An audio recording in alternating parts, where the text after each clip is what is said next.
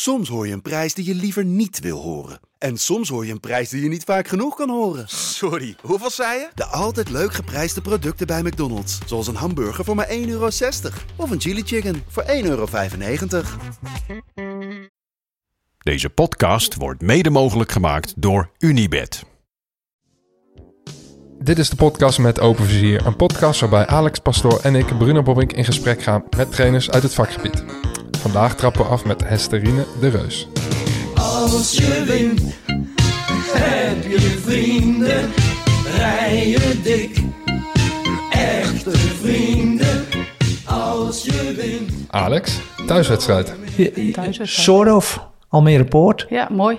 Mooi, zeker. We kijken uit over eh nou, landerijen. Dat is het misschien niet het juiste woord. Maar Ja, ja, we kijken uit op de, de Pampushout. Het is een soort van bosgebied en, eh, waar, eh, waar je fruitbomen, mag je dan gaan plukken en zo. Dat soort, een soort heel klein recreatiegebied. Oké. Maar wel leuk. Dus eh, en dat gebied kijkt eruit op Eiburg, richting Eiburg, ja, Muiden. dat zie je aan de overkant liggen. Kan je hier vanaf terras zo Eiburg zien. Woon je hier al lang? Eh, sinds eh 2020, eind 20, na het WK van 2019, eind 2019. Ja. Oké. En bevalt goed. Eh, ja, nee, het bevalt prima. Een soort van, eh, daarvoor woon ik in China. Ik heb tien jaar in het buitenland gezeten. Dus ik eh, moest gewoon op zoek naar een plek om terug te gaan naar het land. En dat is deze plek geworden. En ik woon er nog steeds. Het is eigenlijk een prima plek, maar ook... ja, is niet zo bruisend als Centrum Rotterdam of Centrum Amsterdam, wat ik meer gewend was. Ja, oké. Maar ik moet zeggen, ik vind het heel leuk om hier te komen. Bij jou uiteraard, maar ook omdat ik dan Almere weer Ja, op een andere manier bezie. ja, En dat eh, in de afgelopen anderhalf jaar is me dat wel heel erg goed bevallen. ja. Nee, ben ik helemaal met je eens. Superleuke plekken zijn Ja. in Almere. Echt. Maar ook super mooie plekken. Ja. En eh, het ene na het andere vooroordeel eh, sneuvelt wat mij betreft. Maar goed, we gaan starten. Hesterine Jannetje, ja, 6 december 61. Dus je bent bijna 62, hè? klopt. Goedemorgen. Maar zullen we maar even eh, echt aftrappen, Bruno? Met jou. eh, oh, jij gaat nog een vraag stellen. Nee, ik, eh, of is dit goed, goed nee, nee, genoeg, dit deze intro? Dit, dit is, dit is een goede intro. Oké. En we beginnen altijd met eh, waar zijn we vandaag? Maar Ja. dat, dat, eh, Dat hebben we al gedaan. dat hebben we al gedaan. Ja, we moeten wel even kijken. Die eh, bank, of hoe noem ik dat? Stoel. Ja. stoel met koeienhuid en een eh, voetenbankje. Daar ben ik wel fan van. Ik zie daar eh, twee gewichtjes op de grond liggen. Zal er iedere dag oefeningen doen? Of? Nou, nee, ja, god, als je ouder wordt, ga je toch proberen nog een klein beetje fit te blijven. Hè? Maar met een nadruk op een klein beetje, want dit Ja. is het ge- gewicht van een rol Mentos, of ja, niet? nee, nee, dat klopt. Doe je gewoon als je tv zit te kijken, een beetje met die gewichten, dan stoel je toch? Ja. Ja. doe je dat zo, ja? Ja. Maar heb je dan een, eh, speciaal schema voor jezelf? Nee, nee, of, nee. Ik, eh, ik probeer een beetje te fietsen en hard te lopen en te wandelen. Maar als je veel onderweg bent, eh, wat ik ben voor mijn werk, ja, dan gaat dat uit het ritme. En dan wordt het wel lastig. Dus dit is ook een reminder. Ah, ja. Misschien, moet ik dat, misschien moet ik dat dan ook doen. Van die eh, gewichtjes Jij niet. in de woonkamer. Als jij hier op het balkon gaat staan, dan waai je weg. Deze man is, eh, ik weet niet, die, die eet, eet bijna niet. Maar die fietst wel 500 kilometer per dag. Minimaal. Beide niet waar. Op, op één wiel. Maar goed, ehm, we gaan eh, meteen van start. Je mag overal op terugkomen. Hè? Je kunt ook alles eruit knippen. Totdat er niks overblijft, maar dat zullen we niet doen. Ben je spontaan of op je hoede? Op mijn hoede. Ben je impulsief of bedachtzaam? Bedachtzaam. Ben je innerlijk eerder rustig of onrustig? Rustig. Kruif of van Gaal? Oeh, kruif. Wat is belangrijker, fysieke of mentale gezondheid? Eh, mentale gezondheid. Dat is wel een lastige. Je mag erop terugkomen. ja, hè? ja, ja, ja. Wil je dat? Nee, nee, nee, ja, nee, fysiek. Eh, nee, fysiek niet. Ik wil graag mijn hoofd helder houden. Ja. Ja, En je mag het straks even uitdiepen als je wilt. ja nee, is goed. Oké, dan zet ik er even wat bij. Uitroeptekentje een kruisje. Maar even een kruisje. Goed spelen of lelijk winnen? Lelijk winnen. Doen wat er wordt gevraagd of waarom vragen? Waarom vragen? Wat wens je je collega trainer voor een wedstrijd? Veel succes of een fijne wedstrijd? Nou, ik zeg altijd mooie wedstrijd. Mooie wedstrijd. Ja, dat is een beetje hetzelfde laffe hoekjes als fijne ja, wedstrijd. precies. Vera Pauw of Sarine Wiegman? Oeh.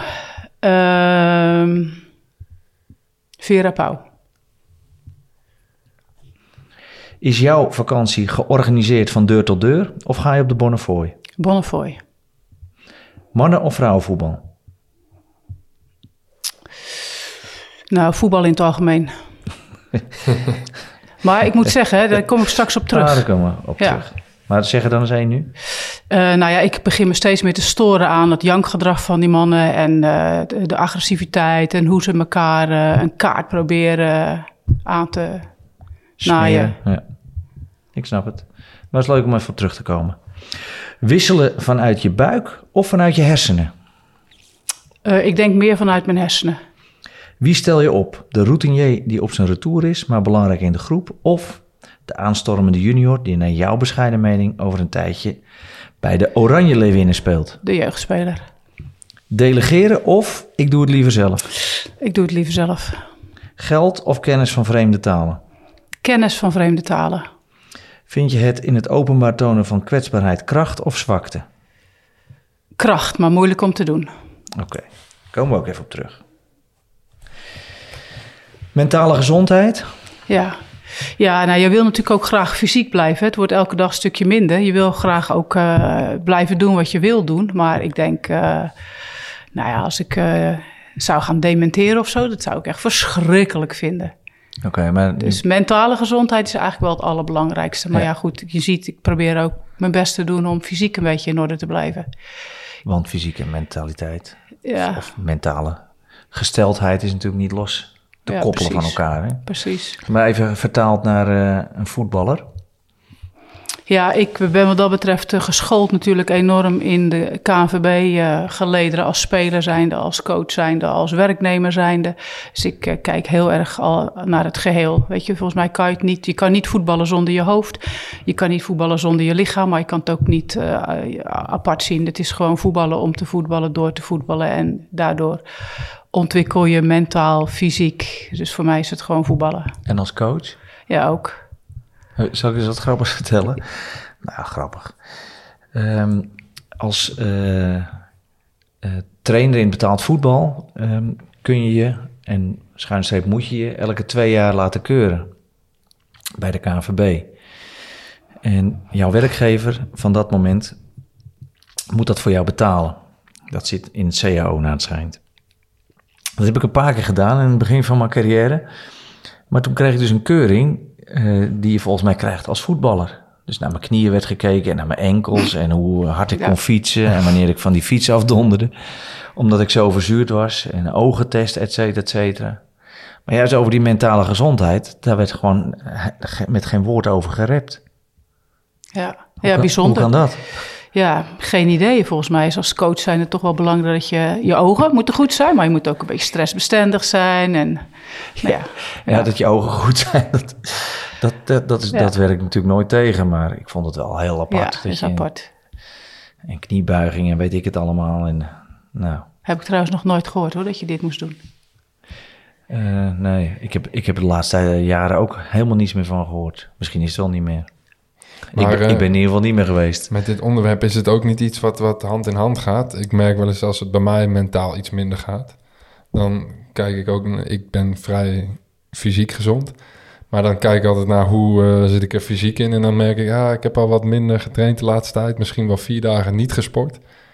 Dan, eh, ja, dan merk ik dat als ik gewoon daar meer structuur in breng... dat het dan mentaal ook gelijk beter gaat. Ja, volgens mij zei je dat ook. Ja, het is- Je kunt het niet loskoppelen. Nee.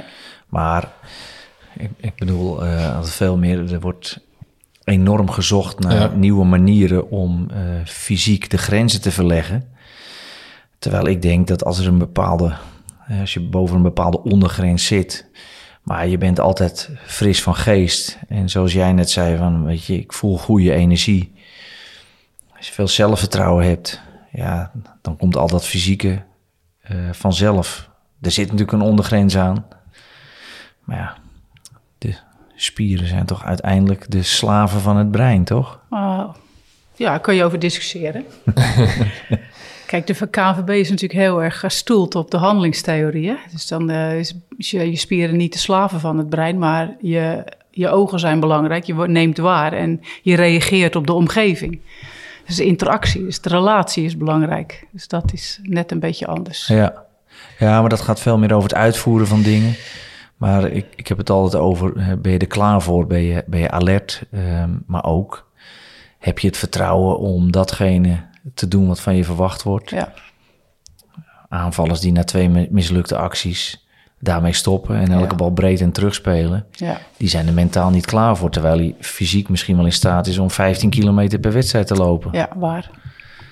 Ja, dan heb ik toch liever degene die minder loopt, maar weet waar het, eh, waar het om draait in die wedstrijd, dan eh, iemand die de hekken eruit loopt, maar eh, ook in zijn broek poept. Oké, jij zegt mooie wedstrijd. Jij Ja. wens je collega een mooie wedstrijd. Ja.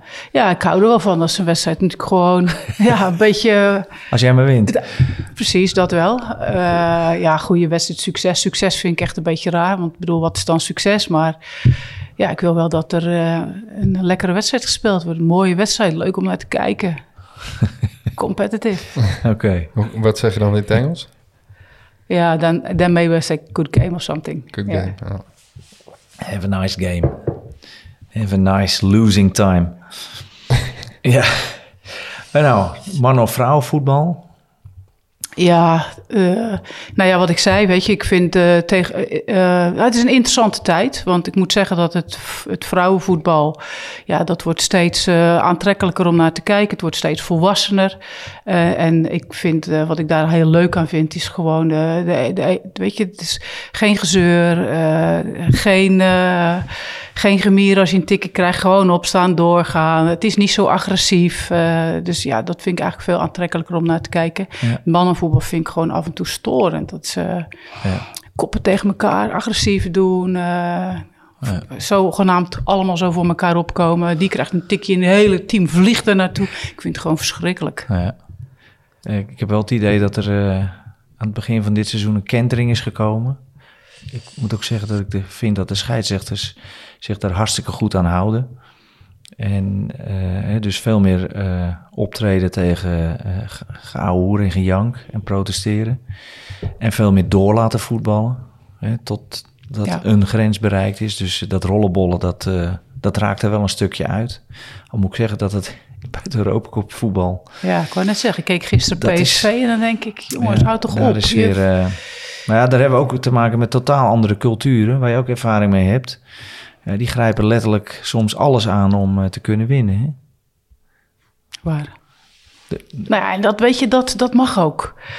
Alleen als je je zo, eh, zo aan... Ja, ik bedoel, ik ben zelf misschien ook gemeen geweest toen ik aan het voetballen was. Ze willen die ook alles doen om te winnen. En als je het niet op de ene manier kan, probeer het op een andere manier.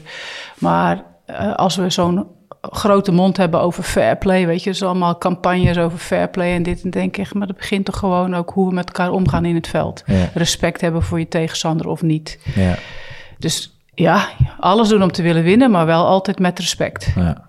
Is respect ook dat als je zeg maar eh, een soort van gepakt wordt bij cheating, dat je ook gewoon meteen moet accepteren. Ja, soms zie ik ook eh, jongens een overtreding maken en dan gaan ze helemaal tekeer. En dan denk ik echt, jongen, ken je de spelregels wel? Nee. Sta op en wandel, weet je? Hou op. Oké, ehm, dit vind ik ook wel een interessante. Wisselen vanuit je buik of eh, vanuit je hersenen? Jij zei heel duidelijk hersenen. Ja, ja, weet je, ik denk dat eh, het is natuurlijk meer en meer geworden de laatste eh, jaren. Je gaat heel erg je tegenstanders analyseren. Je weet precies wie erin komt, wanneer. En als dit die erin komt, dan verandert dat aan de speelstijl. Je, dit wordt zo ver doorgeanalyseerd en daar ga je ook je wisselbeleid op, op afstemmen. Dus heel vaak is het gewoon Ja. een plan. Of het wordt al bepaald door de fysieke trainers. Die mag maar 60 minuten spelen. En die, Ja. dat vind ik ook verschrikkelijk. Maar het is vaak, eh, er zit vaak een plan achter. Als Ja. dit gebeurt, dan dat. Dan, ja, je, jij moet toch als trainer, coach tijdens de wedstrijd waarnemen wat er op dat moment gevraagd wordt. is waar. Ehm, maar goed, ik heb vertrouwen in de mensen die ik op het veld laat starten. En daar probeer ik ook zo lang mogelijk vertrouwen in te houden. Ja, en dan heb je toch wel plan A, plan B, misschien zelfs plan C... in hoe je denkt de wedstrijd te gaan winnen. Al En voorbereid? Daar is, eh, ja, min of meer wel, ja. Oké. En is dat, dat plan dan bewust gemaakt? Of is dat plan er eigenlijk altijd al of gedurende een hele reeks van wedstrijden? Ehm, in grote lijnen is dat er altijd wel. Hè? Dus wat doen we als we eh, met tien komen te staan? Er zijn altijd wel een aantal scenario's die, die er liggen. Eh, maar er zijn natuurlijk ook dingen die heel specifiek te maken hebben met de stand of een wedstrijd of een competitie of een tegenstander of whatever. Maar ook met tien, toch? Ja, Dat is toch ook heel erg afhankelijk van wat er op dat moment gevraagd wordt. Ja. De meeste schieten automatisch in de 4-4-1 formatie. Maar ik denk altijd van, nou, het is maar net de vraag of dat op dat moment gevraagd wordt. is ook zo, weet je. En het is ook, je ziet natuurlijk ook heel vaak dat eh, met een man meer te speel komen is, levert ook niet het gewenste effect op. Ja, Ja.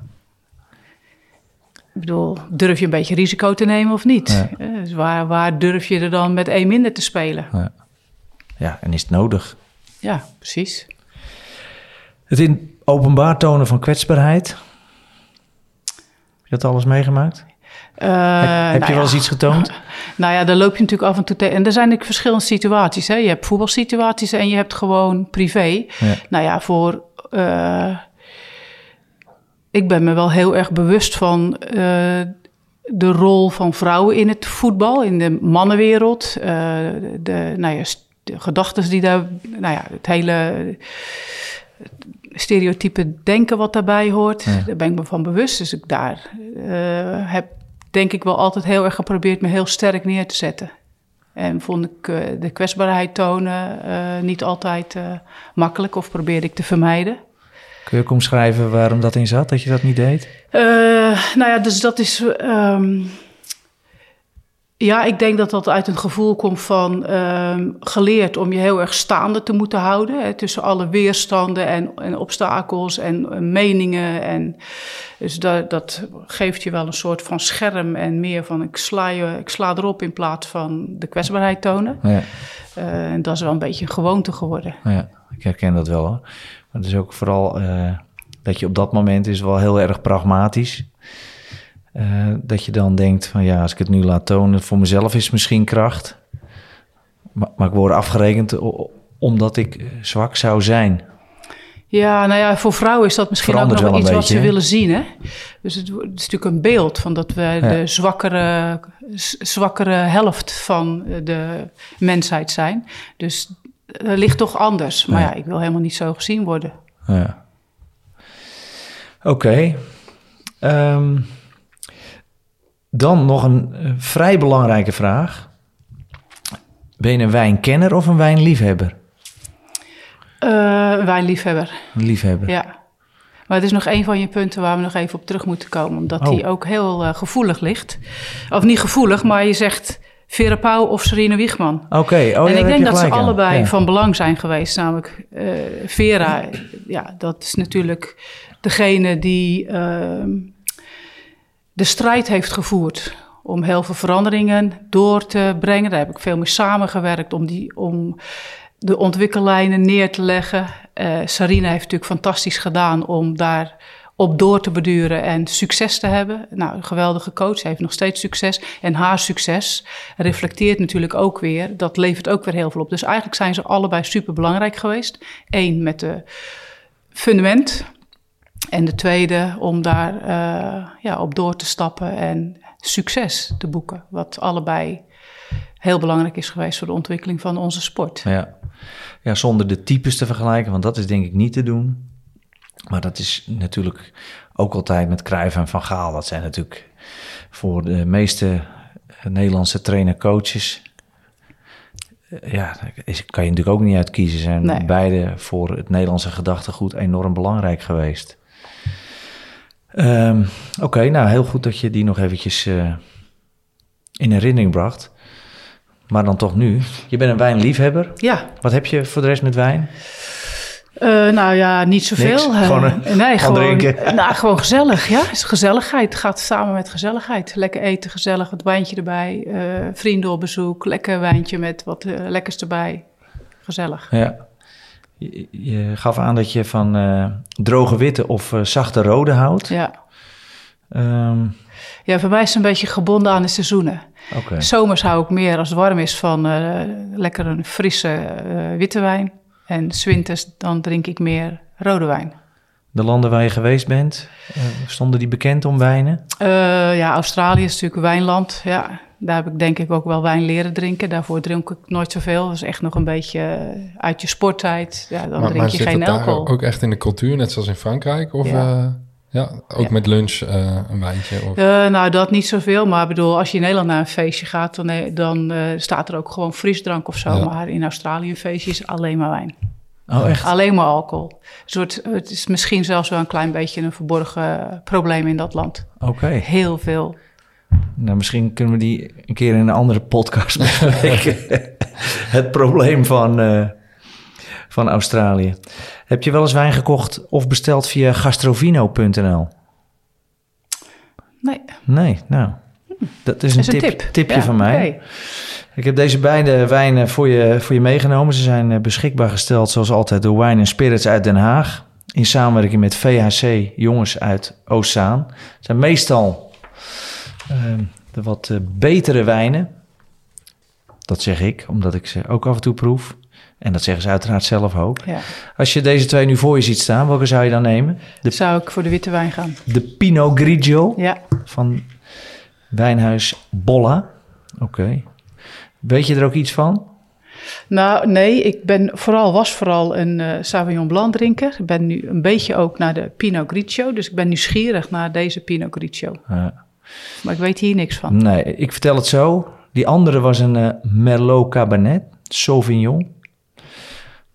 Een dieprode wijn.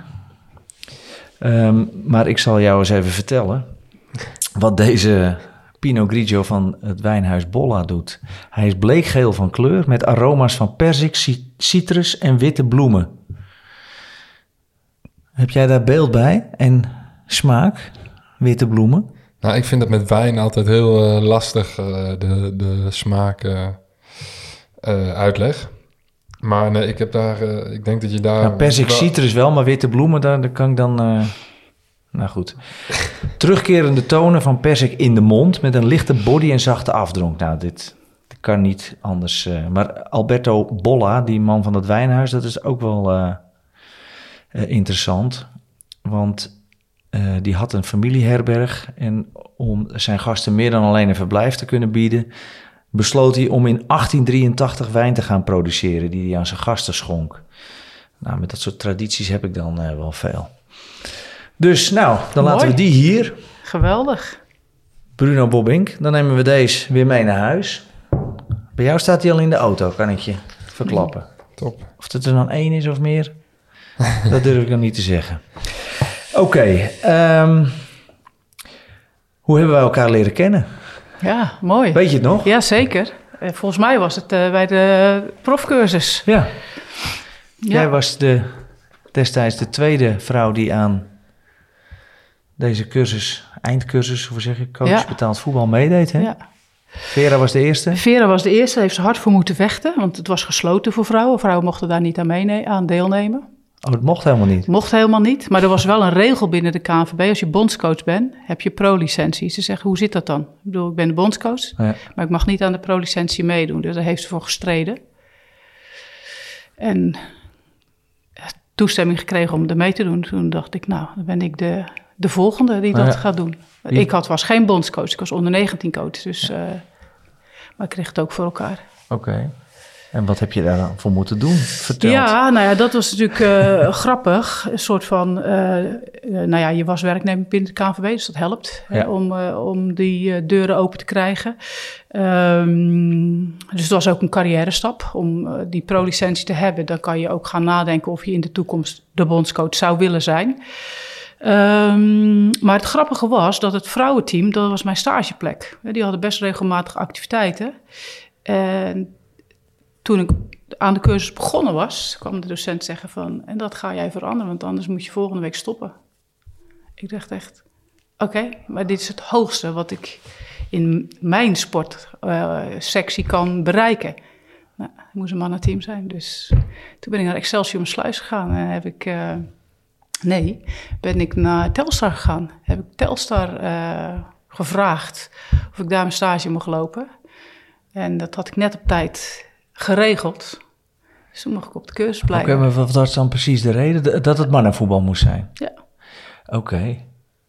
Maar weet je, ik, ben zelf iemand die heel veel eh, moeite heeft met, ehm, eh, met allemaal symboolpolitiek. Want eh, dit moet zus en dat moet zo. Ik ben echt iemand die eh, zich daarna probeert te gedragen. Ehm, maar dit komt echt in deze tijd op mij over van... wa- wa- wat is dit voor een wereld geweest? Ja. Wat, ik bedoel, dat, dat is dan... Nou ja, het heeft misschien lang geduurd, maar het is uiteindelijk wel eh, snel gegaan. Nou ja, de vraag is natuurlijk of je kan zeggen geweest. Hè? Dus ik ben natuurlijk eh, een tijd in het buitenland geweest. En toen ik terugkwam, en dan ga je zo her en der bij clubs. En dan denk je echt, nou, ik geloof dit gewoon niet. Het lijkt wel alsof de tijd 50 jaar heeft stilgestaan. En natuurlijk Toch is er wel. veel ontwikkeld, vooral in de top. Ik vraag me bijvoorbeeld af de inhoud van coachbetaald voetbal. Dus ook, ook de stage. Ja, wat moet ik in de stage met Milaan? Hartstikke leuk. Ja. Maar ik ga natuurlijk liever naar een topclub waar vrouwenvoetbal, hè, dus Arsenal, die, die toen met Clubbing Together waren. Of, nou, dus ik heb dubbele stage gedaan, omdat ik een persoonlijk bij een vrouwenclub wilde. En ik heb, de mannen was verplicht. Dus het hele programma zou wat mij betreft moeten opleiden voor de sectie waarin je, het gedeelte waar je, waar je actief wil gaan zijn. Nou, als het heel duidelijk is dat je kiest voor het vrouwenvoetbal en niet voor het mannenvoetbal, wat heb je dan nodig om succesvol te zijn op het allerhoogste niveau Ja. in die Ja. sectie? Even voor de duidelijkheid. En dat Wij is nog zijn steeds niet samen zo. met eh, Patrick, met Ton de Chatinier, Ton de Chatinier en... jij en ik. Ja, en... eh hoe heet die was er ook bij? David Nascimento. Oh ja, David? Ja. Nee. Jawel. Ja? Ja. Oh, dat ben ik vergeten. Met z'n vijven. ja. Oké. Vijf dagen naar Milaan, dat was onze buitenlandstage. Ja. Ehm, maar wat jij dus zegt is, en, en dat was in die tijd, eh, was het vrouwenvoetbal. Ik, ik kan me niet herinneren dat ik me daar iets van herinner dat dat op enig niveau plaatsvond. Dat was waarschijnlijk ook op een veel lager niveau. Was ook op een veel lager... Nou ja, goed, het was, eh, was ook op een veel lager niveau, maar de eredivisie was al gestart. Hè. Natuurlijk in 2007 zijn we de eredivisie gestart. Met als doel je dagelijkse omgeving, de, dagelijkse trainingsomgeving te verbeteren voor met name de meest getalenteerden. Eh, dus het begon al, al eh, ja, zich te ontwikkelen. Nou, als je dan een nationale team neemt, dat denk dat dat was op een redelijk niveau. We hebben natuurlijk in 2009 eh, derde plaats in Europa. Dus dat was al wel voor mijn sportgebied, mijn, mijn achtergrond, een redelijk niveau. Ja. Nou, dan gaan we daar zo nog even verder op inzoomen. Eerst even naar jou. Je bent eh, geboren in Portugal. Ja. Dat is nou echt zo'n plek waarvan ik denk, waar ligt dat ook alweer? ja, dat ligt net onder Rotterdam, is een dorp. Dus ja, eh, als je een kind bent en je houdt van sporten, ben je heel snel uitgekeken wat keus betreft. Dat was een voetbalclub en dat was het wel. VV Portugal. VV, SV Portugal. SV Portugal. Maar goed, in mijn tijd was dat verboden. Hè? Dus het was niet toegankelijk voor meiden. Het was bij de regels van de KNVB eh, vastgelegd dat het een jongensport was. Dus, ja, Dus, en dus, toen? nou ja, dus leg maar aan, aan een kind van zeven uit dat je overal samen kunt voetballen. Dus op school, op pleintjes, overal. Maar als de jongens op de woensdag naar de voetbalclub gaan, dan ineens kan het niet meer. Ja. Nou ja, dat moeten ze niet tegen mij zeggen. Dus ik ging gewoon mee. En de tweede keer zei de trainer, ah, kom maar meedoen joh. Dus ik ben mee gaan doen. En toen dacht ik, dat is stap één. Ja. Dan heb ik vanaf dat moment heb ik elke week de vraag gesteld, mag ik zaterdag ook voetballen? En na twee jaar mocht ik voetballen. En toen heb ik illegaal tussen de jongens gevoetbald. Als eerste, denk ik, in Nederland. Oké. Dus die eerste uitnodigingskaart, ja, die heb ik nog steeds. Dus het is wel een grote trofee in mijn eh voetbalcarrière. Voor? Ja, je kreeg een eh, soort van kaartje en daar stond dan op tegen wie je speelde, hoe laat je bij de club moest melden. En dat was eigenlijk wat later officieel. de weekbrief is geworden. Maar Ja. het was echt een kaartje en die deelde, deelde de trainer uit na de training. Dus ik stond elke week in die, la- in die rij. En elke week had iedereen zijn kaartje. En dan was ik de laatste die overbleef in haar eentje. En het antwoord was elke week: nee, jij mag zaterdag niet voetballen. Eh, en, en wat deed dat met jou? Nou ja, dus dat vraag ik me nu wel eens af. Ik denk, hoe kan je zo naïef zijn? Maar ik huppelde weer naar huis en de Nou, volgende week ging ik weer maar- in die Ah. rij staan. Dus ik heb dat gewoon volgehouden. Ik dacht, ja, Bedoel je met naïef, hoe kon je daar niet hoe, hoe verdrietig kon over ik zijn? daar niet denken van, nou, dat mag dus niet, weet je, dat kan dus niet. Ik, ik kon echt niet begrijpen dat ik overal kon voetballen, maar dat ik niet zaterdags mee mocht doen. Dus dat heb ik gewoon volgehouden. Elke keer weer vragen, Ja. Nee, geen kaart. En, wat vonden jouw medespelers ervan? Weet je dat nog? Helemaal niet. Niets. Ik ik was natuurlijk gewoon één van hen. Dus we speelden samen op, voet- op het schoolplein. Eh, na school ging je voetballen op het eh, eh, trapveldje. Dus ik was gewoon jij één het van hen. enige, enige meisje? Ik was het enige meisje, ja. ja. Ik weet nog dat toen mijn zoon... Kijk, ik weet niks anders. Toen ik klein was, er deed geen één meisje mee met voetbal. Nee. Toen mijn zoon ongeveer 13, 14 was, zat één leeftijd hoger een meisje. En dat, ze- die voetbalde ook nog bij AFC 34 op een heel behoorlijk niveau. En dat was zo volledig normaal en ingeburgerd. ehm, dat zelfs iemand als ik hier echt enorm van opkijk. Maar ook Ja. de reactie van anderen, dat, eh, daar ben ik dan altijd benieuwd naar. Nou ja, mijn teamgenoten die, die vonden het heel normaal. Dus na twee jaar mocht ik eindelijk meedoen. Werd ik de aanvoerder van Ja, het maar die elftal. vonden het toch niet normaal dat jij niet mee mocht doen aan de wedstrijden? Nou ja, ook dat, weet je, valt kinderen gewoon niet op. Weet je, kinderen die gaan gewoon... eh, Ze zijn dat gewend en daar schikken dat ze is zich wat ze gewend zijn. Ja. Maar tegenstanders, die vonden dat natuurlijk wel raar. Dus op een gegeven moment werd het wel een beetje een soort van een bekend Zag je eruit als een meisje of als een jongetje? als een jongetje. Dan gewoon, ja, kort haar, weet je. Ja, Ja. Had je ook jongetjesmotoriek? ik was een hele goede beweging. Ja. Ik was goed in elke sport. Ja. Ja. Maar goed, die tegenstanders gaan dat op een dag zien en die weten dat. Zeker in het laatste jaar. Ja, dan werd er echt veel gepest voor de wedstrijd. In de rust, deur opengooien, pesten, je uitlachen. Nou, dan dacht ik, jij bent voor mij straks. Werd, werd je daar beter van? Of? Nou, ik, ik stoorde het? me er niet zoveel aan. Dus ik Nee. ging gewoon het veld in. En als iemand in mijn buurt speelde, die raakte echt de bal niet meer aan. Dus dat, het vuurde mij enorm op om te denken van... Dus is eigenlijk aan, aan de, Het heeft mij helemaal aan de geholpen. sportieve kant eh, was ja, het het heeft mij geholpen om... Eh, En op wat voor positie speelde je? ik speelde centrale verdediger. Want je hebt eh 43 keer eh, voor het Nederlands elftal gespeeld, hè?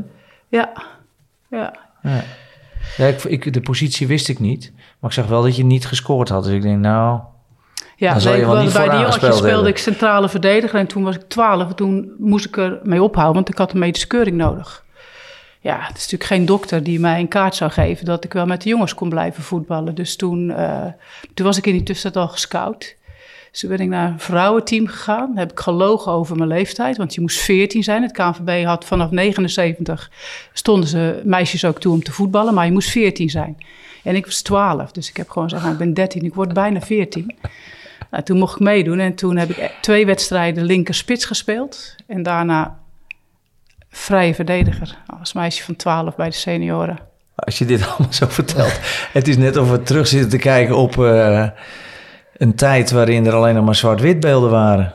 Ja, Bizar. 50 jaar geleden. Bizar. Eh, uit wat voor gezin kom je? Ehm, mijn vader is de bakker van het dorp. Helemaal leuk. En eh, ik ben eh, de tweede in de rij, vijf kinderen, vier meiden en een jongen. En dat was superleuk, want mijn vader was ook groot liefhebber van voetballen. Eh, maar dat mocht niet meer van zijn vader, want het was te gevaarlijk. Hè? Je kan je been breken en zo. En dan Was kon hij niet meer werken. bakker? Was ook bakker. Dus die vond het superleuk dat ik ging voetballen. En die zette gewoon elke zaterdag zijn kerven. Want hij bezorgde brood naar zo'n fiets. Zette hij zijn fiets langs de kant. En dan kwam hij even bij mij een wedstrijdje kijken. En dan ging hij weer snel door eh, bezorgen. Geweldig. Dus dat was mijn grote, grote fan, denk ik. De, de mannenvoetbalhumor, die, je weet wat die zegt, hè? Nee? Dat bakken de reus Oh ja. ik voel hem al aankomen. met vijf kinderen. Hè? Hij heeft niet alleen maar brood gebakken. Ehm, eh, eh, je zusters en je broer, hebben die ook gevoetbald? Eh, mijn broertje heeft gevoetbald, ja. Maar later kwam in het dorp ook korfbal. Nou, daar werd ik ook voor gevraagd. Maar ik dacht, je gaat toch niet sporten met een rokje aan? Dat doe je toch niet? Dus dat was gelijk eh, klaar voor mij. Ik zag, nee, ik blijf lekker voetballen. Maar mijn zus hebben allemaal gekorfbald. Oké. En ging je daar dan ook zo enthousiast naar kijken? Nee, Nee? nee. Oh, omdat hij gewoon voetbalfan was? Hij was voetbalfan, ja. Ja, dus oké. mijn moeder ging naar het korfballen en mijn vader kwam bij mij. Ehm, eh, eh, herken je je in je ouders? Ehm, In de loop van de Ja. Ja, bedoel, ik herken me vooral in mijn moeder. Dus eh, ik denk dat ik in de loop van mijn carrière... ik heb heel veel doorzettingsvermogen moeten hebben... om te komen waar ik wilde zijn. Dat hoorden we net al dus. En eh, ja, dat zie ik eh, bij mijn moeder ook wel. Is wel een strijder, een doorzetter. Opgeven, dat zit niet in het woordenboek. Ja. Ehm, je huidige thuissituatie, hoe ziet die eruit? Partner, maar dat is, dat is het. Dat is het gezin. Sandra? Ja, Sandra. Sandra? Ja, Ja, ik vraag het bewust. Sandra Awandatu. hè, Ja. Want eh, ik ken Sandra natuurlijk ook. Maar ehm, in Portugal, hè, je valt op vrouwen. ja. Hoe was dat in Portugal? Oh, dat is een. eh, ja, toen leefde, woonde, woonde ik niet meer in Portugal. Toen woonde ik natuurlijk al in Rotterdam. Ah, dus was eh, iets latere leeftijd. Eh, maar. Nou, daar heb ik niet zo heel veel, zeg maar, in, in thuissituatie of in dorpssituatie. Dat was nooit een. eh, Maar ging dat net zo moeizaam als wat je net eh, schetste over meedoen met jongensvoetbal? nee, dat ging een stuk makkelijker. Oké. Ja. Dus dan, In, het, in Nederland. Ik bedoel, ik heb natuurlijk Ja. ook in Jordanië gewerkt. Daar Ja, was het niet zo even op. Ja, ja, precies. Nee, maar ik bedoel dan... ehm, wat je net allemaal schetste over licenties en meedoen... en Ja. cursus mogen doen en mee mogen voetballen. En dan eh, de, de, de normale maatschappij, zeg ik maar... Ja. liep dus voor op de voetbalmaatschappij. Ehm, ja, maar goed, die, de- deze tijd van dat voetballen, het verhaal van het voetballen, dat zit natuurlijk ook een stuk verder terug in de tijd. Wat ik wel mooi vind, is bij zo'n club als Portugal. ehm, ja, dat ik wel, die waren, zijn wel heel trots geworden op mij. Ik was, ik ben erelid geworden. Mijn hand zit in de Wall of Fame. Ik Oh, ben het cool. enige, hun enige lid wat het nationaal team heeft gehaald. Hun enige lid wat een pro-licentie heeft gehaald. En daar zijn ze nog altijd trots op. Dus dat is wel eh, heel mooi. Ja. Kom je daar nog wel eens? Ik kom er nog wel eens, ja. Ah. ja. Oké. Leven je vader en moeder nog? Eh, mijn moeder wel, vader niet meer. Oké. En woont ze nog daar? Die woont nog steeds in hetzelfde huis, ja. Ja, echt waar? Ja. Oh, dat is helemaal geweldig. Dan heb je ook meer dan reden om terug te gaan, natuurlijk. Ehm, wat, eh, wat voor studie of opleiding heb je gedaan? Ik heb academie gedaan, lichamelijke opvoeding. Dus ik ben ook 17 jaar gymnastiekdocent geweest. Ja, oké. Nou, ik heb hier even een eh, lijstje gemaakt. Moet jij maar even corrigeren of dat eh, allemaal klopt. Want ik heb het, eh, als ik het verkeerd heb, dan komt dat door iemand anders. Eh 1994 ben je gestart met KNVB Coach Jeugdprogramma. Ja. 2002 tot 2010 heb je bij de KNVB gewerkt bij de onder 15, 17 en 19. 2010, 2011 Jordanië. Daar komen we straks nog wel even op terug. 2012 PSV vrouwen. 13, 14 Australië. 17, 18 China. Ja. Ehm, nou, we zitten nu in, eh, in 23. Maar ik heb natuurlijk ook een stukje clubvoetbal gedaan. Ik ben niet van eh, KNVB jeugdvoetbal naar de KNVB. Ik heb daar ook Rijsoord getraind. Ik heb Ja. Seestem getraind. Volgens mij hebben we vijf- vier keer kampioen van Nederland geweest met Seestem. Dus de clubvoetbal was de in- instap naar... Ja. Nou, dat weet ik nog. dat was tijdens de cursus volgens mij ook. Dat je dat er ook nog bij deed. Tijdens de cursus werkte ik bij de KNVB. Bij de KNVB. Ja. Had je, toen, maar toen had je al... Dus ik ben na mijn... Nou, eigenlijk had ik nooit van plan om coach te worden. Dus na mijn actieve voetbalcarrière ben ik eigenlijk helemaal gestopt. Ik had echt het idee, oh, ik ben echt mijn leven helemaal aan het... eh, ik, het leven gaat gewoon voorbij en ik ben alleen maar op voetbalvelden. Dus dat vond ik echt verschrikkelijk. Dus ik ben van alles gaan doen. Ik heb schildercursus gedaan en gitaarles en tekenen en heel veel andere dingen. en hoe kwam er dan brood op de plank? Nou ja, eh, toen was ik gymnastiekdocent. Oh, oké. Maar ja, uiteindelijk was de conclusie dat natuurlijk het voetbalveld wel het podium was waar ik gewoon het beste tot mijn recht kwam. Dus toen Ja. ben ik gaan coachen. En, en na die tijd, eh, PSV-vrouwen, dat was dan ook een team, hè? Ja, ja, ik werd gevraagd of ik ze wilde helpen een team op te zetten. En natuurlijk met mijn achtergrond, al die jeugdnationale teams Ja. gecoacht. Dat was wel een handige zet van ze. Omdat het was een korte periode. Ik werd volgens mij in april benaderd of ik dat wilde doen. Nou, natuurlijk een sluitingsdatum. Dus het was echt in een hele korte tijd dat Ja. dat hele team moest worden opgetuigd en de organisatie. Dus dat was een leuke uitdaging. Ja. Maar eh, in de, even de laatste jaren, zeg maar, na eh, verlos van de KNVB-teams, heb je minder op clubteams gezeten. Hè? Ja. Dus ehm, zie je dat zitten in de toekomst om dat nog te gaan doen? Eh, ja, een hele mooie vraag. Ik heb ook nog een jaartje Volendam gedaan, hè? Oké, Jongens, onder 17. oké. Nou, dat, dat, dat vind ik dan interessant. Ja, dat dacht ik wel. Nee, dat was ehm, toen ik terugkwam uit eh, China. Toen kwam Volendam vragen of ik eh, daar wilde coachen. En ik dacht, ach, waarom willen ze dat? Hè? Ik zit weer eh, populair doen, tik de box. Hè? Dus, een, dacht, dus ik wil, dacht, ik moet even heel goed weten waarom ze vragen of ik dat wil doen. En toen hadden ze eigenlijk wel een heel goed verhaal. Dus eh, de jongens die groeien natuurlijk heel erg op, zijn er elke dag bij de club. Het is vooral een mannengedomineerde omgeving. Dus die wilden daar echt een vrouwen in gaan betrekken. Dus dacht ik, nou, dat klinkt goed. Dat, eh, da- daar kan ik, eh, dat ga ik doen. Dus dat heb ik gedaan. Maar ja, dan valt het in de praktijk ook natuurlijk gewoon tegen. Want als je, is net als met het voetballen in het gemengd voetbal. Als je het enige meisje bent, als je de enige vrouw bent. Dan moet je je meer aanpassen natuurlijk aan Ja. de cultuur die er is. Dan dat je de cultuur kunt beïnvloeden. Ja, ik snap hem helemaal. Even op eh, Jordanië, dus je, je persoonlijke leven gekoppeld daar aan het voetbal. In die tijd, eh, eerst dacht ik volledig onwetend, Jordanië, jeetje, gevaarlijk.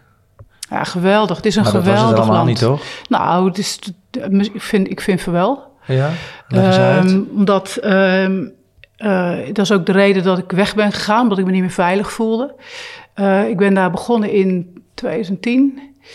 Eh eerste jaar was helemaal fantastisch. Eh, natuurlijk enorm veel support van de koninklijke familie. eh, speciaal voor het vrouwenvoetbal. Het vrouwenvoetbal, het team was redelijk, redelijk goed team. Waren succesvol. hadden heel veel mogelijkheden om te trainen. Speelde altijd tegen jongens, maar toen begon die Arabische lente een beetje, zeg maar, het begon een beetje te roeren in het Midden-Oosten. Eh, en dat, eh, nou ja, dat reflecteerde ook, eh, nou ook het vrouwenteam stond bijna elke dag in de krant. En dat ging ook een beetje vrevel wekken. Tot, ja, weet je, er zijn nog altijd mensen Bij die- bij, mannen. bij mannen, bij de omgeving. Dus dan gaan ze natuurlijk zoeken naar ja, hoe ze jou kunnen tackelen. Nou, dat hadden ze dus gevonden in mijn relatie. Dus de eerste aanval was op mij persoonlijk. Dus ik kon echt mijn telefoon niet aan. Dat was alleen maar de pers. Eh, helemaal eh, na, achterna gezeten door de paparazzi om... eh, ja, dat dat dus eigenlijk helemaal niet kon. Eh, dat, die golf ging over. Hè, dus met steun van de bond, die al zegt van nou, we hebben het gewoon over werk. Weet je, het werk is goed. Dus eh, privé, daar hebben we het verder niet over. Dus dat ging een, een periode goed. Eh, en toen werd de bond aangevallen, waarom ik daar nog steeds was en waarom ik niet werd ontslagen. En dat kon allemaal niet. Dat is ook, hebben we ook overleefd. Maar ja, toen begon ik natuurlijk allemaal vragen te stellen van, nou, weet je, wa- wat is nog de meerwaarde als er zoveel weerstand is? Wat kan ik dan nog toevoegen hier?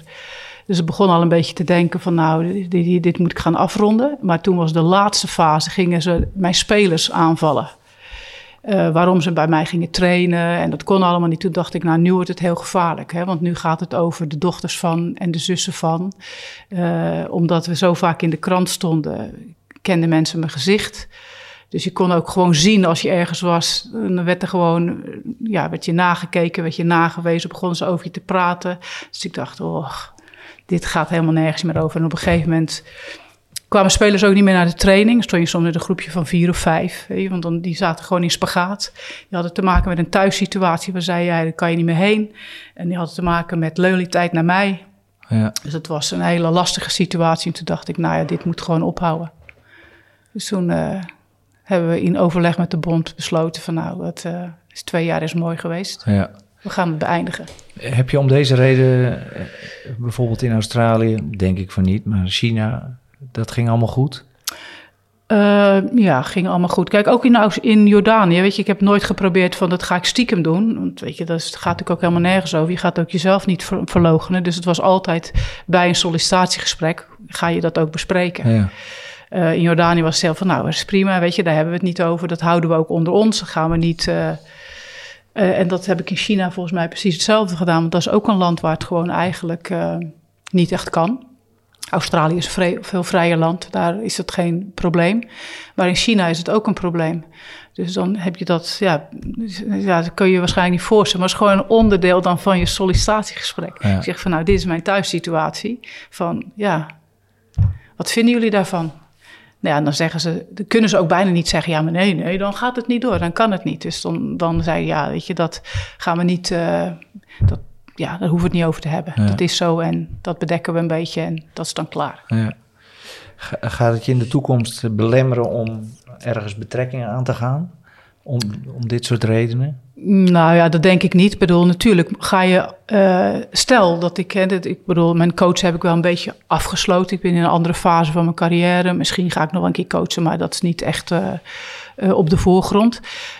Als er dan bijvoorbeeld naar aan, aan een land denkt, ja, dat is wel het eerste wat je gaat bekijken. Van hoe veilig ben je daar? En dan zijn er ook landen waarvan je zegt, ja, daar zou ik gewoon nooit gaan werken. Want dan, dan zoek je de ellende gewoon op. Dus Ja.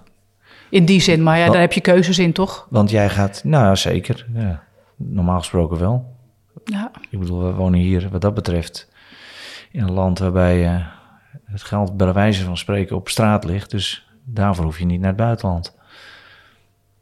Dat is wel volgens mij ook wel een groot verschil hoor, tussen mannen- en vrouwenvoetbal. Nee, dat snap ik wel. Maar je, je, je hoeft niet Ja. per se in het voetbal te werken om nee, hier een bestaan waar. op te dat kunnen is waar, bouwen. Dat is waar.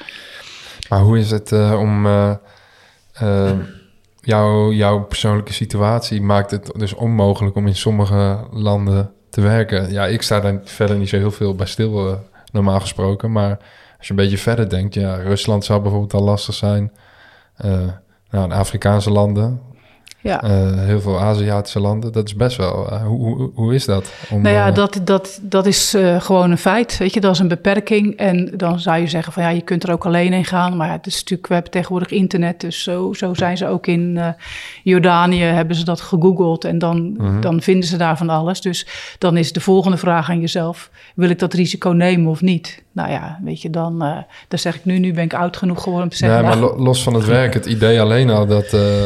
eh, ja, eh, hoe, hoe je, je geaardheid, zeg maar, dat het niet mogelijk maakt om... eh, in sommige landen kan je eigenlijk niet- eens heen op vakantie, bij wijze van spreken. Ja, maar ook dat, Dat soort dingen, weet je. Voor, voor mij, dat is deel van mijn leven. Toen Ja. ik gymnastiekdocent was, was dit, dit elk jaar, aan het begin van het jaar, was dit het item.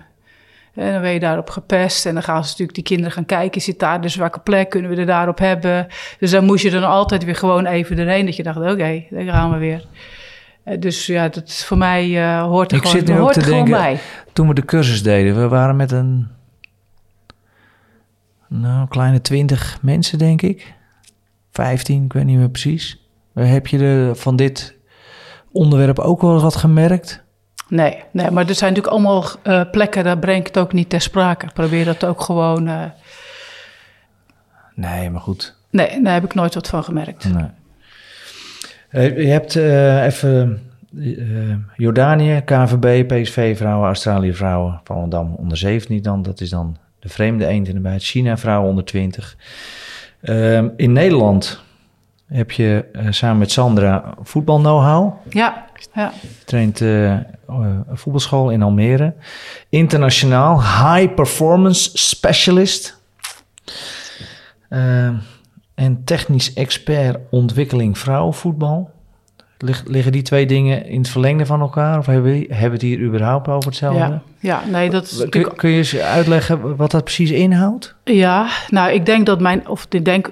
Ik zie mijn expertise als technisch expertise. Ik kom natuurlijk van het veld. Ehm, ik heb door... ehm, nou, is misschien ook nog wel een soort van mijn carrière is misschien net iets anders dan de jouwe. En dat heeft ermee te maken dat ehm, ik denk dat mijn carrière behoorlijk ook versnipperd is. Zeker in het begin, toen ik club trainde, kon je echt natuurlijk geen, geen brood mee verdienen. Dus eh, in de beginperiode had ik daar mijn gymnastiekdocent eh, naast. Maar ja, na een paar jaar dacht ik, ja, als ik goed wil zijn, moet ik gewoon investeren. Dus toen ben ik alleen gaan coachen. Nou, daar kan je niet van leven. Dus wat ga je dan doen? Ga je projectjes ernaast doen? Ga je coach education ernaast doen? Ga je allerlei andere dingen ernaast doen om een inkomen te hebben? Nou, dat heeft me ook wel breed ontwikkeld. Dat ik wel ook een stukje projectmanagement daar wel wat van af weet. Dat ik, eh, ik denk dat ik een hele goede docent voetbal ben. Weet je? Dus daar, eh, maar alles wel een beetje vanuit de technische hoek. Ehm, dat heeft me ook gebracht eh, als een consultant naar UEFA, FIFA. Ik ben een docent in Azië, docent voor Afrika, docent bij de KNVB. Even voor mijn beeld, geef je dan eh, Cursus. cursussen Ja, aan trainers voor... ja. Trainers. En soms is dat gespecificeerd op het vrouwenvoetbal. Soms is het cursus in het algemeen. Dus in Afrika is een heel lang periode geweest dat cursussen werden ver- verzorgd door CAF. Niet door de landen zelf, maar dat dus die sturen dan gewoon een docent ergens heen en dan ga je ergens eh, cursus geven. En CAF is dan... Eh, Afrika, dus de Confederation, dus de UEFA van ja, Afrika. dus de UEFA van... Ja, Ja. oké. Ehm, en hoe kom je nou in zo'n ehm, omgeving terecht? Dus in zo'n spiraal van, van, van werkzaamheden. Eh, Gaat dat via de KNVB of... eh, Ehm, ja, soms gaat het natuurlijk van personen. Dus ik bedoel, ik bedoel, ik wil, als ik iets doe, wil ik het goed doen. Dus ik, wil, ik zeg altijd, ik wil de beste zijn. Nou ja, dat gaat niet dat ik de beste wil zijn, maar ik wil gewoon het maximale uit alles halen wat ik doe. Als ik coach ben, wil ik gewoon de beste zijn. Als ik eh, coach education doe, wil ik alles weten. Nou, ik denk dat die houding, dat valt op. En dan zijn er soms mensen die zeggen: Oh, weet je, oh, ik weet wel iemand die dat kan. Dus zo ben ik ook via via eh, ben ik technical study group gaan doen voor UEFA. Nou, dan zit je bij UEFA mensen en dan is, hebben ze een keer een docent nodig. Zo, oh, ik weet wel iemand. Dus dan ben ik UEFA docent geworden. Van UEFA docent ben ik FIFA docent geworden. Toen ik in, in China werkte, ben ik EFC docent geworden. Dus zo is dat een beetje gegroeid. Ja, en dat netwerk komt me nu natuurlijk gewoon heel goed van pas. Ja. Ik bedoel, ik kan allerlei banen kiezen. Dus eh, je werkzaamheden van de laatste jaren, die gaan eh, over dit soort projecten. En je komt dus over de hele wereld. Ja, nou, ik heb tijdens mijn coachen, dus zowel Jordanië als Australië als China, heb ik altijd coach education eh, ernaast gedaan. Dus dan ging ik één of twee keer per jaar in een window, dat we niet zo actief waren, ging ik gewoon een FIFA-cursus geven of een UEFA-cursus ergens geven. Dus dat heb ik altijd gecombineerd. Eh, en nu zit ik meer in een fase dat ik denk van, nou, na Volendam dacht ik, nou, het is wel even klaar met dat voetballen, coachen. Eh, er is trouwens ook nog heel veel leuke verhalen bij dat eh Volendam coachen. En toen ben ik meer, consultantswerk gaan doen. Dus echt de, de technical study group vond ik superleuk om eh, de trends te analyseren en daarover te schrijven. Maar ook heel veel coach education gedaan. en wie zijn dan de opdrachtgevers? UEFA, FIFA, AFC. Oké. Maar dan heb je klaarblijkelijk wel zoveel indruk gemaakt dat ze je steeds weer vragen.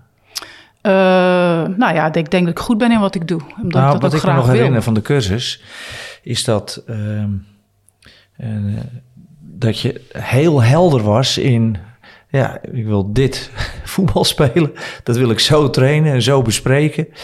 En eh, dat was in heel veel gevallen tien keer duidelijker dan welke andere man ook zou kunnen doen.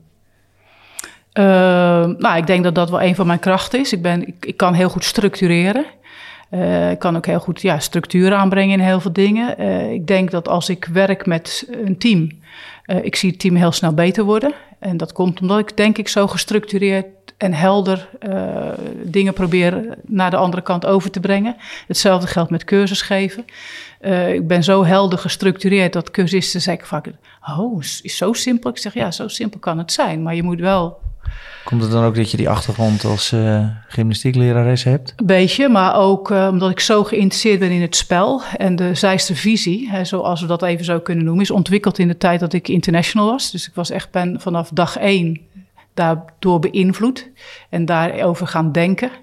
En ik denk dat eh, die structuur van hoe wij voetbal leerbaar maken en hoe we dingen structureren, dat dat heel erg helpt. Ja. En bijvoorbeeld, ik heb natuurlijk jarenlang cursus gegeven. Dat heeft mij volgens mij enorm geholpen in me ontwikkelen als coach. Ja. Omdat je elke keer de theorie weer moet overbrengen. Bedenken hoe je dat dan gaat vertellen. Je herhaalt het steeds. Dus ik denk dat ik daarvoor heel veel kennis van het spel heb gekregen. Behalve dan dat je ook de wedstrijden kijkt. Maar... En de structuur heeft mij geholpen om eh, goed maar te ook werken. als je een ander probeert te leren hoe je de informatie overbrengt, of hoe je het kunt eh, betrainen, dan ben je jezelf bij wijze van spreken elke keer dat je dat doet aan het overhoren. Waar? Ja, en, ik bedoel, ik ben, kan echt eh, heel veel mensen aanraden om eh, ook een docentenbevoegdheid te halen en cursus te gaan geven. Want je bedoel, je staat elke week op de, ook op het veld om andermans trainingen te bediscussiëren Ja. en te bespreken. Even een slokje water. Kan dat? Ja, ja, tuurlijk. Ja. Eh, je had het over structuur, maar hoe ziet dat dan eh, in de praktijk eruit? nou, dus ik gebruik heel veel de structuur van het spel. Dus het spel speelt je met twee teams. Daardoor ga je aanvallen of verdedigen trainen. Nou, dan heb je dat snelle moment van omschakelen ertussendoor. Dat koppel ik altijd of aan aanvallen of aan verdedigen. Ik train dat eigenlijk nooit apart. En dan ga je het afbouwen. Uh, dan moet je, moet je die bal van voren naar het doel van de tegenpartij krijgen. En hoe ga je dat dan doen? Wie doet dan wat, waar en wanneer? En dat ga je gewoon uh, beschrijven en, en betrainen. En dan heb je daar natuurlijk de rol van de tegenpartij, dus die dat lastiger maakt. Hoe ga je dan verdedigen? dan ga je organiseren. Ik vind bijvoorbeeld, als ik voetballen kijk, dan zie ik heel vaak denken: ah, als dit ietsje beter georganiseerd is, qua veldbezetting, spelers onderling, ja, dan gaat het niveau gelijk. Uh, dus daar hamer ik heel erg op, is heel belangrijk voor mij, de teamorganisatie. En dan daarbinnen heeft ieder zijn eigen ding te doen, zijn eigen taak. En als je daar heel helder in bent wat die taak is en hoe die taken met elkaar samenwerken, dan gaat het niveau heel snel omhoog. Moet je wel een beetje erbovenop zitten dat dit is wat we doen en zo gaan we doen. Ja, nou goed, dat, dat, dat hoort, dat hoort net zo bij het vak. En misschien wel meer bij het vak nog dan de inhoud. Want als je ze een bepaalde kant op krijgt, dan kun je ze alles uh, laten spelen wat ze, wat ze in zich hebben uiteindelijk. Ja, zeker als team. Maar als ik je nou zo hoor praten, en zeker naar die uh, buitengewoon intelligente vraag van Bruno. Ja, ik begrijp het wel. Ik, uh, en ik ben een leek op voetbalgebied. Dus Joh. Uh, even, voor, de, voor, de, duidelijkheid. Maar nee, maar nu eh, dat zo, je, je legt het zelf zo gestructureerd uit dat zelfs ik het begrijp. Ja. En uh, ik kijk altijd van hoe kunnen we het breder trekken dan buiten het voetbal. En kijk, als je alles zo gestructureerd aan vliegt, dat, uh, ja, dat, dat is. Nou, waar, waar, waar, ik naartoe wilde is, ehm, omdat je dat kunt, um, in hoeverre trekt het nu om een vrouwenteam in de Eredivisie te gaan trainen, omdat sinds dat begonnen is in 2007, heeft dat natuurlijk het, het, voetbal op zich al en het niveau van het voetbal. Maar ook de Eredivisie heeft natuurlijk wel een uh, geweldige ontwikkeling doorgemaakt. Ja. Nee, dat, dat ben ik met je eens. Uh, uh, en soms als ik een wedstrijd kijk, dan denk ik, oh, ik ga dit team trainen. persoonlijk vind ik dat er Eredivisie moet nog heel veel doorontwikkeld worden. Hè, en dat heeft ook weer met investeringen te maken. Uh, ik vind dat het nu beter gaat. Maar toen ik net terugkwam uit het buitenland, zag ik gewoon coaches op die team staan. Dat ik dacht, ja, voortdurend beginnende coaches uh, of coaches die uh, dit gebruiken om in te kunnen stappen naar de mannenkant. Um, ja, dan, dan komen we er niet. Hè. Dus ik zag dat de spelers allemaal individueel waren veel beter geworden. Omdat ze zo hadden geïnvesteerd in zichzelf. Maar op teamniveau, de dingen afstemmen, dacht ik echt, ja, het is gewoon verschrikkelijk hoe het spel gespeeld wordt. Ik ging af en toe gewoon ook in de rust weg, omdat ik dacht, ik kan niet aanzien. En dat heeft niet zozeer dan met de spelers te maken, maar wel hoe het beïnvloed wordt. En als er dan te weinig beïnvloeding is, of het is niet genoeg idee wat er die beïnvloed moet worden en hoe we dat dan gaan doen, ja, dan ja. schiet het niet op. Dus dat is één kant. Ik dacht, nou ja, dan denk ik soms, ach, weet je, het is goed. Het is voor de volgende generatie. Maar er zit ook een zakelijke kant aan. Ik bedoel, um, toen ik bij PSV bijvoorbeeld ging werken, dan valt een contract van de vrouwcoach valt onder geen enkele CEO. Dus er is geen, geen secundaire arbeidsvoorwaarden, geen pensioenopbouw. Nou, als je naar het buitenland gaat, geldt dat ook precies hetzelfde. Dus ik moet nu ook zorgen dat ik een goede oude dag heb. Dus ik moet ook een goed salaris hebben om later uh, een redelijk pensioen te hebben. Dus even los van voetbalniveau, trainersniveau, moet het zakelijke niveau dat is ook nog niet doorontwikkeld. Nee, en dat is ook soort van, ook, uh, soms denk ik ook, nou, je moet ook respect naar jezelf hebben. Ik heb natuurlijk gewoon wel een behoorlijke cv, je heeft veel ervaring, veel expertise en dat kan gewoon niet betaald worden. Dan denk ik echt, ja, als ik een salaris zou willen hebben wat ik vind dat past bij waar ik op dit moment ben in mijn carrière, dat, ja, dat is een salaris wat gewoon niet betaald wordt in het vrouwenvoetbal. Ja. Nou, dan kan je zeggen, ga dan naar het mannenvoetbal. Ja, dat zou kunnen. Ja, goed, dat, dat zijn dan andere discussies. Maar uh, als, als we het nu niet over geld zouden hoeven hebben, zou je dan wel ja zeggen? Uh, dan zou ik er wel over nadenken. Kijk, het is ook, ik vind ook trainerschap vind ik een, bijna een 24-7 baan. Dat houdt nooit op. Tel me uh, Ik leg er ook wakker van. Als we slecht gespeeld hebben, dan, ga ik, dan kan ik, blijf ik ook malen van... wat had ik zelf anders kunnen doen, hoe werkt dit, dat. Dus ik vind het echt een hele intensieve baan. Uh, en dan, als ik daar dan weer bij stilsta, denk ik, ja... waarom zou ik daar nu nog voor kiezen? dat heb ik allemaal gedaan. Oh ja. Maar het is wel zo dat je uh, hebt meegeholpen aan de ontwikkeling eh, voor een deel aan de bakermat hebt gestaan. Ja. Je, eh, de, de tweede vrouw die de uiteindelijke cursus CBV heeft gedaan. eh Interlands gespeeld. Ehm, dan kan ik me ook voorstellen dat je denkt van... ja, weet je, dan wil ik ook aan het coachniveau meehelpen... en eh, ook wel even werkzaam zijn in, eh, in, in zo'n vrouwen-eredivisie. Ja. Eh, nou, ik geloof niet dat ik dan mee zou helpen aan het coachniveau. Hè. Dus als, ik, eh, een, een, als er een baan voorbij komt, dan vraag ik me altijd af... wat kan ik daar aan toevoegen? Hè? Wat kan ik bijdragen?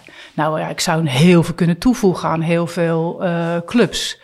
Ehm, maar ja, dan denk ik, ja, dan ga ik dat toch niet doen. Dan denk ik echt, nee, dat heb ik gewoon allemaal gedaan. Ga ik gewoon nu niet meer doen. Wat ik wel doe, want daar vind ik, want ik train bij Ajax meisjes om 12 op de zondagochtend, gewoon omdat ik dat leuk vind. Eh, omdat ik dan denk, ik kan bijdragen aan die dromen van die kinderen. Ik hoor zoveel kinderen eh, in, de, in de omgeving die als je vraagt wat wil je worden, ah, willen ze de volgende Lieke Martens zijn of ze willen profvoetballer worden. Maar als je dan kijkt waar ze voetballen, hè, Almere, clubs, amateurclubs voetballen natuurlijk niet op allemaal op een heel hoog niveau. En dan zie je dat nog steeds eh, de welwillende vader is uitgekozen als de coach. En denk ik, ja, als je wacht tot je 15 bent en misschien in beeld bent bij Ajax, is het gewoon voorbij. Ja. Dus dat vind ik dan wel superleuk. Dan denk ik van, oh, ik hoor al die dromen. Ja. Ga, ik, ga ik gewoon iets aan doen. Ga Ja. ik gewoon zorgen dat er plekken zijn. ja, maar hoe? Nou ja, ik, eerst heb ik zelf twee jaar bij Buitenboys natuurlijk gewoon gezegd... op de zondagochtend, je kunt hier komen om te trainen. En als de meiden dan voldoende talent hadden... dan mochten ze gewoon eh, daar trainen. En nu eh, doe ik dat bij Ajax. Ik heb met Ajax daarover gesproken. Er komen natuurlijk altijd heel veel talenten naar hun talentendagen... maar ze hebben natuurlijk maar heel weinig plek voor een paar meisjes. Ja, en hoe ga je, hoe ga je nou in deze omgeving... opleidingskansen creëren voor meiden met talent? Nou, dat vind ik wel een hele interessante vraag... die we wel heel graag be- bediscussiëren op verschillende plekken. Ja. En hoe En gaan we dat dan doen? zijn, ja, hoe dan? Nou, voor mij, hè, ik vind echt dat we niet dezelfde fout moeten maken als in het mannenvoetbal. Dus bij elke club een jeugdopleiding gaan eh, aanhangen. Want ik denk dat ook in het mannenvoetbal dat geen goede, goede zet is. Er zijn, de- daardoor krijg je niet de beste met de beste. Zeker niet op het vrouwenniveau. Als we twaalf clubs straks hebben waar ze allemaal een eigen academy willen hebben. Ja, dan, dan zitten veel te veel meiden in de opleiding die daar niet thuis horen. Ja. Dus ik ben een groot voorstander dat we gewoon een aantal opleidingsplekken, zoals we in het verleden voor de mannen hebben geprobeerd, regionale centra. Nou, wie moet dat dan gaan betalen? Nou, dat zou een combinatie kunnen zijn, maar ik denk dat tussen AZ, Utrecht, Zwolle, eh, Ajax, FC Almere, dat er gewoon een regionaal centrum zou moeten zijn waar je talenten opleidt. En de een gaat naar AZ en de ander gaat naar Utrecht en de volgende gaat naar... En- Een beetje zoals ik dat vroeger heb opgezet in Amsterdam, de HVA. Maar is dat dan, eh, zoals het op mij eh, overkomt, zoals jij het nu schetst, eh, zo is het eigenlijk ook met, met het jongetjesvoetbal gegaan, toch? Dat werd ook op een gegeven moment gecentraliseerd. De meeste clubs, eh, betaalde clubs, hadden geen eigen opleiding. Dat ging altijd via regio-teams. Ja, dat, Ja. je ziet hoe, hoe lang dat geduurd heeft voordat daar een klein beetje structuur in zat. Ja, maar ik denk ook niet. eh, Ik, vind, ik, ik, vraag me, ik heb mijn vraagtekens of het een goede zaak is dat, heel, dat alle betaald voetbalclubs vanaf onder 12 een team proberen te hebben. Nee, dat, dat is een andere discussie. Ja. Ehm, maar kijk, al die opleidingen, die maak je volgens mij voor alle gemiddelde voetballers. Ja, En zodra jij een hele goede opleiding hebt, kunnen al die gemiddelde voetballers, mits de gezonde mentaliteit, een betaald voetbalcarrière halen. Die, die opleidingen, of dat nou bij een club is of bij een regionaal instituut, gaat nooit over jongens die net zo goed zijn als Wesley Sneijder en Frenkie de Jong. Mijn mening is altijd, die halen de top ondanks trainers Ondanks, en niet ja. dankzij trainers. Ehm, en omdat het om die gemiddelde voetballer gaat, denk ik dat je er vooral moeite voor moet doen om het algemene niveau op te krikken. Want als iedereen het, even kort door de bocht gezegd, normaal vindt dat hij elke dag zijn stinkende best doet, tot bloedspugen aan toe. eh, Dat doe je als, je als het je passie is. Dat je het heel gewoon vindt om, eh, om te oefenen, zodat je techniek het je toestaat in de jaren die daarna komen om de tactiek uit te voeren. En dat trainers, hè, want jij zei net al, jonge jeugdtrainers, nou dat is bij jongensvoetbal, ook bij de BVO's, eh, schering en inslag. Zijn allemaal jongens zonder enige voetbalervaring. Ik chargeer even eh, wat ik zie. Zonder levenservaring. En, en die, die, ik denk dat, dat je geld moet uittrekken voor oudere trainers, boven de 40, levenservaring, misschien zelf gevoetbald.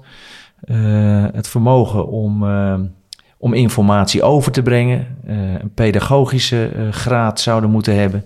Dat we dan eh, snel klappen kunnen maken. Ja. Maar goed, dat, dus ik denk dat zoals jij dat schetst, zoals ik het met een slechts beperkte blik, want ik, ik, ik zie dat niet genoeg, eh, gadesla, dan denk ik dat, je, dat we er bijna aan, aan, aan toe moeten geven dat de ontwikkeling van het vrouwenvoetbal gewoon dezelfde door gaat maken als bij het mannenvoetbal. En dat is eerst van nauwelijks opleiding tot alles mega gestructureerd. En dan weer een stapje terug doen van inderdaad alle clubs een eigen Ja. opleiding naar... Ja, je ziet in betaald voetbal natuurlijk ook dat diverse clubs dat gewoon samen doen. Ja, nou ja, weet je dan, ehm, in het vrouwenvoetbal, een van onze krachten is het gemengd voetbal. Eh, Daar is Nederland uniek in, het gemengd voetbal en hoe we dat gebruiken. En dat moeten we vooral bewaken. Dat mag je niet kwijtraken. Als we daar eh, bijvoorbeeld jeugdopleidingen gaan hebben bij clubs en we gaan vanaf 12 met meisjes tegen andere meisjes, dan gaan we ook iets verliezen.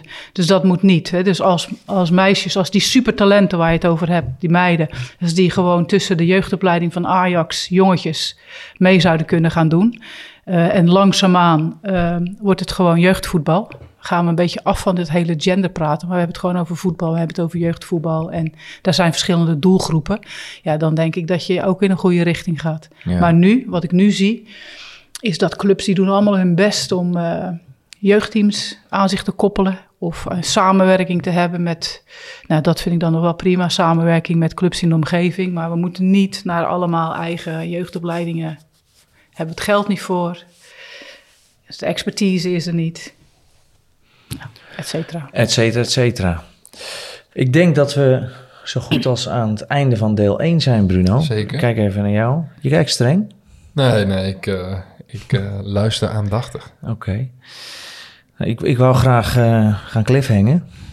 Lijkt me uitstekend. Ehm, maar daarin wilde ik eh, pratende voort. Ja. Ik maak al, wij maken al een soort van draaiboekje. Maar pratende voort kom je eigenlijk altijd al op dingen dat je denkt... Ja, dat had ik eigenlijk voor wat later gepland. Dus ik wilde straks in deel 2 wel een stapje terugnemen van... weet je, hoe is dit allemaal begonnen? En eh, daarna meteen eh, de stap maken naar de toekomst. Daar zijn we al een beetje aan begonnen. Jouw toekomst, maar ook de toekomst van het vrouwenvoetbal. En ook de integratie van vrouwen in het mannenvoetbal. Dat Hey. in deel 2.